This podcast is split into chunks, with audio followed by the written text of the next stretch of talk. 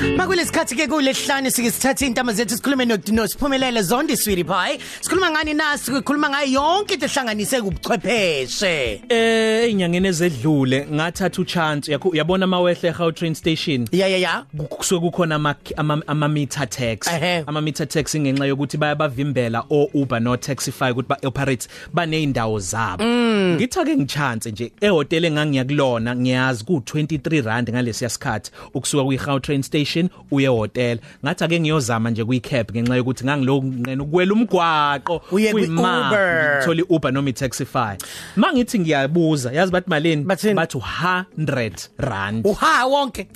100 rand U100.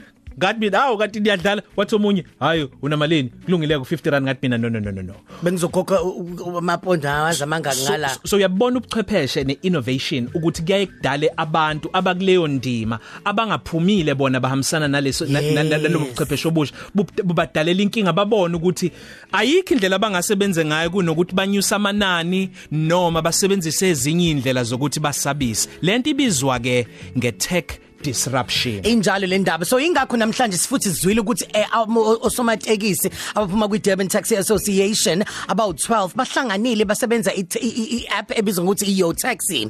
Sibonile ukuthi ziningi izinto ezifana njengalezo bathe ngoba eh, sibonile nama video la besabese khona ama passenger ngisho no driver impela bama Uber ne Taxify ama hotel akusephinde futhi a complain nawo nge Airbnb sike sabona i multi choice nayo complain nge Netflix namhlanje ke njobe seshilo siya ukuthi sikhuluma nge tax disruption.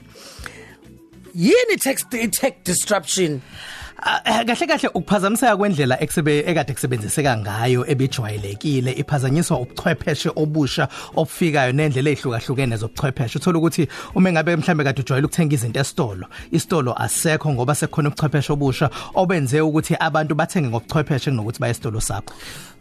Qhubeka. So uzoyibiza nge tech disruption no loyo leyo nto noma uk- ukuthuthuka no- no- no- no- no- nokunyuka kwezinga eh, eh, eh, le ndlela ukuthi into singayithola ngo- ngo- ngokusheshsha Angithi wena ke uthi ukuthuthuka nokunyuka kwezinga kodwa ukhona umuntu ophazamisekayo. Yikho ke kuthiwe i disruption ngoba ifike yaphazamisa indlela ebekwenziwa ngayo inqubo yabantu ngaleso sikhathi ukufika kwalento entsha. Yikho abanye bethi ungathi iyasiphazamisa isikhiphe endleleni. Wena uthi ukuthuthuka omunye umuntu iyamphazamisa uhlala ufika ukhuluma nge nge fourth industrial revolution. Asikushayela izandla sikuncome ukuthi o association bamatekisi abawu 12 bahlangana baqhamuka neyo tax asikushayela izandla. Yes, yeah. asikushayela izandla lokho. Lokho kuyancomeka. Kodwa ke yize mhlambe bekuyizinto okuthiwa zenziwa ngazi noma ngokwezomthetho sekuproviwe yini ukuthi bas- bebekwenza ngempela yini ukusabisa abanye abantu ukuthi abeze ngalana ke ku- ku- kulemboni yabo noma kule nkampani yabo. Ngaphambi kokuba kufike ama cab ukufika kwama cab kwaba i tech disruption. Angithi ke pho yindaba ama cab abe nenkinga? Mase kufika indlela ezifana no Uber ngoba nakhona kusayi tech disruption Yeah. Eh, eh into efanayo ngoba lokho sekubone kakhulu endaweni ezifana noGoli noPitoli uh, uthola ukuthi um kuke kwashiswa ngiyakhumbula omunye kwathiwa umfundi wase TUT wakhona la eThekwini obe neminyaka ye21 kunyaka odlule. Um owashiswa ephakathi kwiUber yakhe eshiswa ibona labo base um, um, bawa ama meter taxi ama cab lawo um ngoba um uUber ufike nendlela engcono awusadinga ukushaya ucingo awusadinga ukuthi une awusadinga kuba namoto. Awudinga ukuba namoto awudinga ukunegotiator. Nomuntu ophakathi ngoba mina ngigcina ngci ugibela kahle kahle bese ngivele ngigibela ubona Uber nabanye nabanye. Um eh kwathi ngelinye la ngathi uyazini ngidinga ukuya Gautrain station ngiphuma endlini. Um njengoba ngidinga ukuya Gautrain station angingabizi uPer angibize imeter taxi ngafu ngabheka ku internet kokuqala ngaqala ukuthi inamba zazingatholakali kalula ku internet ngayithola. Ke ngayithola ngikhuluma ngikhulume nomuntu ngibhuke ifika imoto ayinhle njengalezi ezivamisa ukufika. Um uma ngigibela khona uyangibuza ukhokha malini? Ngithi mina hawu kanti ucharge malini? Nakho o- o- lapho taxify no Uber nabanye nabanye abanye iyakutshela iApp ukuthi kuchajwa malini Malini. ungakagibeli Ungakagibeli, uyazi uzokhokha yes. malini abuze ngithi athi hayi kanti lo obhukhe kuyena okhulume naye yena uthe imalini inkinga inkinga yesibili leyo Ah, inkinga ukuthi- yabo bayenza inkinga yakho Eh, inkinga manje. yabo bayenza inkinga yami ukuthi kwafika lokho okushake ukuthi ubhuka ngeapp etholakala kalula Eh, kanti imali uyayithola ungakagibeli usikhethele wena ukuthi uyahamba na noma awuhambi Awuhambi. ngoba imali uyayazi ifika imoto ifika iclean ihlanzekile iyinhle kungesona isikhehle khehle esingaphuka endleleni. Bese ke ukwazi ke ukugibela up- nokuthi mangabe kuyi-app le uyazi ukuthi iyakhombisa ukuthi uba udriver thizeni ulande u- usiphumelele zondi uyombekaphi usiphumelele uma elahlekelwa into ethile uzofonela inamba Nazo-ke. kwi call center ezofonela ku driver aphi- ayithole into yakhe. Nazo Ayitholi, yeah. kanti nokuthi ngokufika kwabo ngiwumuntu onemoto ngikwazile ukuthi yazi angifuni ukushayela namhlanje. Ngizo ngingapaka imoto ekhaya ngibabize ngihambe ngabo. Ngoba ngiye ngisho ukuthi umgibeli um wo Uber no Taxify nabanye akafani ncamashi nomgibeli wetekisi. Bahlukile abantu ababili abahlukile. So angeke uthi umnikazi wetekisi uthi sengiyo ngoba ke sesidisruptwe yilento njengoba sikhuluma nge disruption siyobashaya kabagibela ngoba ube- bezosihambela ngemoto yakho bengekayi kobamba umuqa Yeah, la yini isikhathi yeah. esiningi. Mm.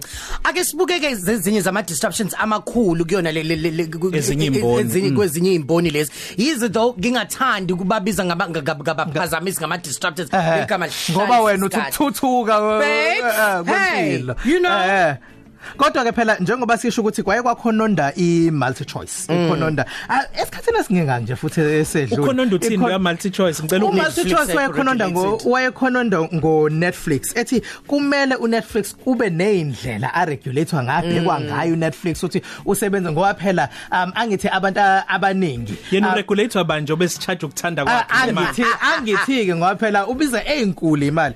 Ngoba nami yize nginohlelo olubonakala kodwa latholakala na kwi-app uhlelo. Yebo. Ah, ah, kodwa ke um ngawuvala uDStv ngoba ngino Netflix ah ngawuvala uDStv ngoba phela i- sengiyakwazi ukukhokha imali engconywana ngibuke zonke le inhlelo ezingadlala ngibuke nezinye besingeke siyithole um so nabona babe complain bethi n- oko- kahle kahle ba complain le competition um uke wabuza nezinye um, uke wa- wakhuluma ngo Airbnb Yes. amahotela ka complainer ngo Airbnb ukuthi uAirbnb uyafika um u- usiyawe ufuna ukuye holidayini ezweni thizena ngeke abhook ihotel uzobhook iflat. Mawune flat uca- kufana nokuthi unendlu yakho ngalo lona lelo sonto. Angakho ke awunayo lemthetho yaseflatini abangani bakho bangafika bakuva I mean yase hotel bangani bakho bangafika bakuvakashele flatini angabikho umuntu ozothi hey nibe niba ngumsindo la. Ng- ungabhook indlu njalo njalo. So abantu ke ke ke laba abasekusona kulemkhakha lehlukahlukene asithi am- abama cab drivers um nama hotela njengoba disisho no Laba multi-choice. abathikazisiwe. laba abathikazisiwe eh Ngokusho so, kwabo. eh so bengenza kanjani ke ke ke bona ke yini iziphi indlela e- engenza ngcono ukuthi nathi Adjusta. sikhangeke Adjusta. sikhangeke eh oh Uke wakhuluma usiya ukuthi uyishayela ihlombe indaba yokuthi um i- ama association awu 12 um amatekisi akwazile ukuqhamuka neapp.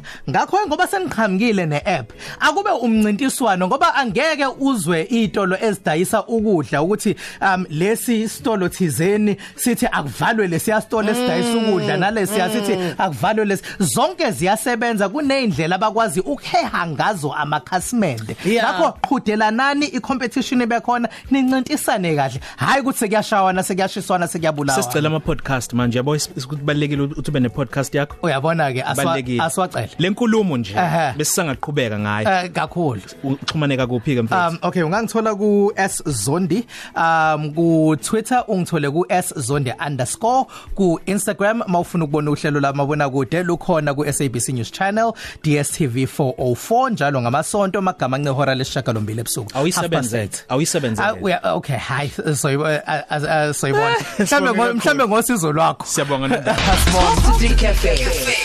Ilunch yakho ayifani neyizolo.